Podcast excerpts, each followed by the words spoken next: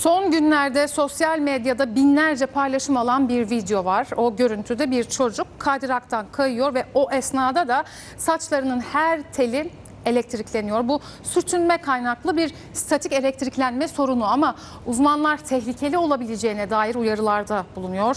CNN Türk muhabiri Zeynep Timurlenk Pozut'un haberi.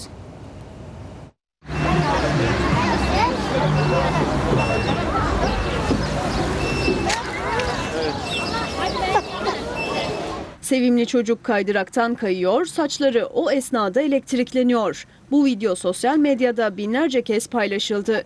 Onlarca anne baba benim çocuğuma da aynısı oluyor dedi.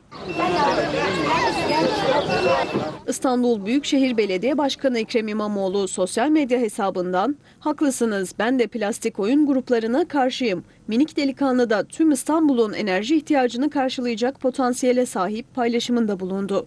Son günlerde çocukların kaydıraklardan kayarken saçlarının elektriklenmesi sorunu sosyal medyanın gündeminde. Aslında bu plastikle olan sürtünmeye bağlı bir statik elektriklenme sorunu. Masum görünüyor ama eğer o park yüksek gerilim hattı bulunan bir noktadaysa çocuklar için büyük riskler oluşturabiliyor. E, Bu sorun e, cisimlerin birbirine sürtmesi sonucunda her zaman olabilecek bir fiziksel olay. Maalesef e, e, çocukların oyun mekanları yüksek gerilim hatlarına yakın veya altlarına yapılıyor. Bu aslında buradaki statik e, yüklenmeden çok daha fazla bir tehlikeyi veya riski çocuklarımız için beraberinde getiriyor. Çocukların vücutlarının e, sürekli olarak elektrik akımıyla e, sürekli olarak elektrik akımı e, vücutlarından akmasına sebep oluyor. Dolayısıyla vücutların çocukların vücutlarının sağlık dengesi kesinlikle bozulabilecek bir durum ortaya çıkıyor. Profesör Doktor Osman Çerezci zararın boyutunu böyle anlatıyor.